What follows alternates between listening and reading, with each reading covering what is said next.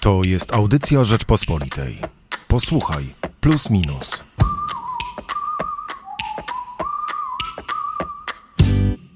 W najnowszym magazynie Plus Minus przyjrzeliśmy się zmianom klimatycznym i temu, że bogaci, ale nie tylko ci najbogatsi, po prostu więcej trują. Więcej niż ci biedniejsi, bo więcej konsumują. I o tym porozmawiamy sobie w redaktorskim duecie Michał Płociński i Artur Bartkiewicz. Zresztą Artur jest e, autorem tytułowego tekstu, można powiedzieć otwarciowego, o tej klasie średniej, ale to jeszcze Artur, poczekaj, trochę zdradzę, co więcej w numerze, tak sobie przekartkuję, magazyn plus minus. Przejdę trochę dalej, bo mamy też świetny reportaż Jakuba Kowalskiego o królu z nadwisełki, o panu Marianie, który rozbił namiot na popraskiej stronie Wisły, tam można powiedzieć nawet na Nowej Pradze i ma Przepiękny widok na bulwary wiślane, Stare Miasto, wieżowce, Pałac Kultury. No, widok wart milion dolarów. Dzieli się tym widokiem z innymi bezdomnymi, bo tam już powstaje takie miasteczko bezdomnych, a on, no, jako człowiek, który to założył, rzeczywiście jest królem tego miasteczka. Kuba Kowalski spędził z nim trochę czasu i opisał nam jego życie. Mamy też tekst Marcina Uniewskiego o nieobecnych, którzy nie mają prawa do ziemi. Tel Awiw, który zarzuca Polsce, że zamyka drogę do powrotu, do zwrotu mienia e, żydowskiego, ściągnął na siebie ostatnio e, oskarżenia o hipokryzję. Część izraelskich dziennikarzy przypomina, że Izrael sam od lat odmawia tysiącom Palestyńczyków restytucji ich majątków. To stawia trochę tą sprawę polsko-żydowską w innej perspektywie. Marcin Uniewski wydzwonił oczywiście wiele osób i wypytał, jak ta sytuacja w Izraelu e, wygląda. Mamy też e, zresztą e, twojego takiego działowego kolegi Jakuba Mikulskiego, Jest. też człowieka z online'u, ze strony rppl, tekst o futsalu, bo jak my znamy Kubę, wiemy, że Kuba się futsalem interesuje, żyje, co więcej, pracuje także że powiedzmy w tej branży jest bardzo mocno zaangażowanym działaczem futsalowym w Warszawie. Magik się pożegnał. Jak słyszę futsal i magik, to mimo, że ja o futsalu nie wiem nic, to od razu wiem, że będzie chodziło o Ricardinho. Jedyny znany mi futsalowiec, możliwe, że naszym słuchaczom też, taki odpowiednik Cristiano Ronaldo i Lionela Messiego, no, zakończył swoją e, karierę. Futsal, który żyje w cieniu potężnego kuzyna e, i naprawdę trzeba e, wyjątkowego wydarzenia, by przebił się na pierwszy plan przy okazji właśnie przejścia na emeryturę Portugalczyka Ricardinho. Właśnie teraz y, je, trafił do mediów. Ale Także... Kuba Mikulski mocno walczy, żeby był w tych mediach jak najczęściej, więc gorąco polecamy. No teraz, teraz wreszcie miał taką możliwość, prawda, że tak plus minus otworzył swoje łamy przed, przed futsalem. No dobra, ale my przyglądamy się tym bogatym tak naprawdę w dwóch tekstach. W twoim tekście e, o morderczej klasie średniej i w moim wywiadzie z Michałem Pacą, z przedsiębiorcą, który zajmował się deweloperką, e, ale stwierdził, że musi zmienić swoje życie i przestać poświęcać czas na rzeczy, które nie są ważne dla niego i nie są ważne też dla jego, jak mówi w wywiadzie, prawnuków. Stwierdził, że będzie poświęcał swój czas i pieniądze tylko po to, żeby ratować e, planetę, więc on jakby jest przykładem trochę taki, w takiej opozycji stoi do tego, co ty piszesz w swoim tekście o klasie średniej, która trując i e, tak naprawdę ona jakby odpowiada w znacznej mierze za, za, za, za eksplo, eksplorowanie, eksploatowanie tak naprawdę tego słowa szukałem, planety. E, ona powiększając się e, tak naprawdę stoi w dużej opozycji do tego, mm, co my byśmy chcieli z tym klimatem zrobić, czyli go ratować. A im większa klasa średnia piszesz, tym, tym większe są e, potrzeby energetyczne, że tak powiem. No bo wiadomo, że nie trujemy klimatu tylko dlatego, że lubimy to robić, nie spalamy węgla dlatego, że postanowiliśmy go spalić tutaj do końca, tylko spalamy go jak i inne, inne, również, e, inne również surowce naturalne, energetyczne, dlatego, że potrzebujemy energii, a energii potrzebujemy dlatego, że potrzebujemy rzeczy, potrzebujemy podróżować, potrzebujemy... Luksusu no, takiej odrobinki luksusu, bo nie, nie trzeba bardzo dużo. Oczywiście mm, są, jest, jest zasada, że im ktoś jest bogatszy, tym więcej tego y, dwutlenku węgla emituje, ale bogatych, bardzo bogatych jest raczej mało. To jest jakiś 1% ludzkości. Oni faktycznie emitują najwięcej, ale liczbowo najwięcej jest jednak przedstawicieli klasy średniej i liczbowo to oni odpowiadają za największą emisję, a dzieje się tak dlatego, że każdy z nas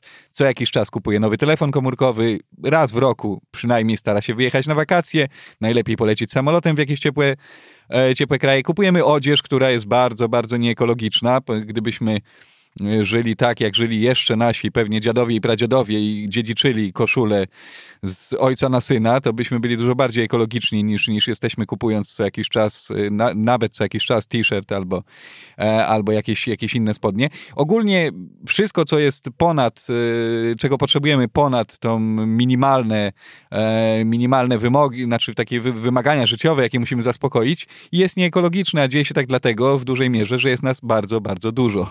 I coraz więcej nas y, ma pieniądze, dołącza do klasy średniej, czyli stawiasz tezę, że tak naprawdę my nie jesteśmy w stanie e, zahamować tych zmian klimatycznych poprzez zmniejszenie konsumpcji, bo ta konsumpcja będzie rosła. Trudno, y, trudno oczekiwać, że tak będzie. Znaczy, łatwiej na pewno będzie ograniczyć konsumpcję na zachodzie, dlatego że zachód jest już trochę nią nasycony i to tutaj pojawiają się jakieś takie ruchy i postawy jak twojego, e, twojego bohatera, który prawdopodobnie no, zdążył już skorzystać trochę z życia i teraz Też może... mu to pytanie stawiam, że jemu jest łatwiej zrezygnować z czegoś, coś ma, co, co ma, niż e, człowiekowi z dążeń do, tak, do i swoich łatwiej, marzeń. łatwiej zrezygnować też z czegoś, co już od przynajmniej dwóch pokoleń tutaj jest, bo to są społeczeństwa na świecie, które dopiero osiągają dobrobyt i tak się składa, że to są te najbardziej emitujące, oprócz Stanów Zjednoczonych, e, najwięcej emitujące społeczeństwa, czyli Chiny i Indie, gdzie e, klasa średnia w ogóle powiększa się w, w sposób wykładniczy. E, I y, w, w 2030 bodaj roku, nie chcę się pomylić, ale na, na pewno się bardzo nie pomylę, będzie liczyła około 5 miliardów przedstawicieli na ludzkości będzie zaliczanych do klasy średniej, a jeszcze w 1900 roku to była liczba kilkudziesięciu milionów. Ten rozrost y, klasy klasy średniej sprawia, że konsumpcja rośnie, ale tak jak mówię, to, że teraz klasa średnia będzie rosła głównie w Chinach i Indiach, krajach, które doganiają Zachód i które chcą pójść tą samą ścieżką, którą poszliśmy my, sprawia, że trudno będzie im powiedzieć, nie, nie, no, no dobrze, dosiągnęliście już jakiś poziom, ale musimy się zatrzymać. To była zła ścieżka rozwoju, teraz musimy żyć trochę ubożej, bo y, klimat się zmienia. Zresztą y, takie sygnały polityczne płyną też od przywódców Chin i Indii, że oni mówią, no w zasadzie, dlaczego mamy to zrobić? Wy zatruliście tę planetę, a my teraz chcielibyśmy skorzystać z, z dobrobytu, chcemy podnieść poziom naszych społeczeństw i w imię czego mamy tego nie robić, skoro wy już tę planetę zatruliście. No właśnie, ale pytanie, czy my w ogóle na samym zachodzie, jakbyśmy nawet my chcieli tylko zrezygnować e, z tego trucia e, planety, żeby teraz trochę e, potruły, nie wiem, Indie i Chiny, zgódźmy się na to i my się ograniczmy. To jest jakby też klucz mojej rozmowy z Michałem Pacą.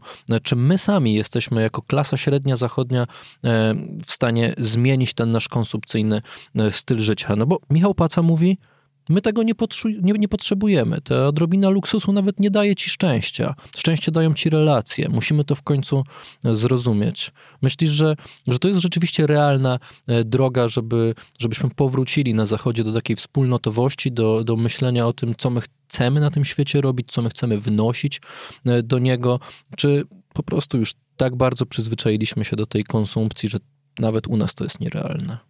Chciałbym, żeby to było możliwe. Jestem sceptyczny, jeżeli chodzi o jakiś powszechny sukces tej, e, takiego ograniczenia konsumpcji. Na pewno nie nastąpi to bardzo szybko, a czasu jest jakby dość, dość mało. Wiemy, że e, mimo pewnych sukcesów na szczycie klimatycznym w Glasgow i tak już istniejące zobowiązania, znaczy teraz y, poczynione zobowiązania sprawią, że temperatura na Ziemi i tak wzrośnie powyżej 2,4 stopni Celsjusza w stosunku do, e, czy nawet 2,6 w stosunku do epoki przedindustrialnej, co oznacza, że będziemy mieli katastrofę klimatyczną na dużej części, e, dużej, dużej części planety. Być może gdybyśmy mieli trochę więcej czasu, to tak by się faktycznie stało, bo mówię, konsumpcją faktycznie można się, się nasycić. No ileż można kupować nowych telefonów, ileż można razy odwiedzać jakiś hotel w ramach wakacji all inclusive, faktycznie faktycznie... Ale wiesz co, ale ci najbogatsi jakoś się nie nasycili, nie nasycili, nie nasycili, nie przez tyle pokoleń. No...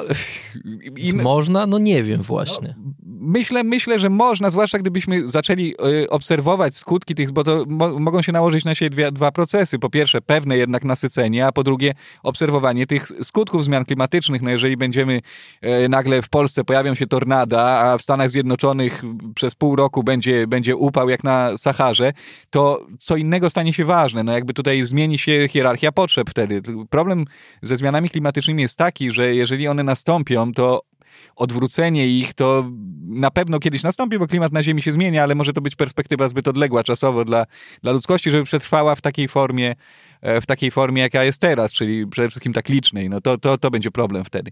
A wracając do, do, do głównego pytania, Myślę, że mogłoby to się zmienić, ale trudno spodziewać się, że zmieniłoby się powszechnie. To wymagałoby stworzenia najpierw zupełnie innego modelu życia, promowania innego modelu życia, bo cała nasza cywilizacja zachodnia teraz oparta jest jednak na promowaniu tego konsumpcyjnego modelu życia. Ci, którzy mają pieniądze, promują to, żeby te pieniądze wydawać. No, y, obraz jakiego takich aspiracji i sukcesu społecznego kreowany, w, no może, może mniej w mediach już teraz, ale w popkulturze, e, w, w kulturze popularnej jest jednak taki oparty na tej konsumpcji. Raczej jeżeli ktoś e, mówi o rzuceniu wszystkim, e, rzuceniu wszystkiego i wyjechaniu w Bieszczady, to to jest raczej, raczej nisza niż, niż jakiś mainstream.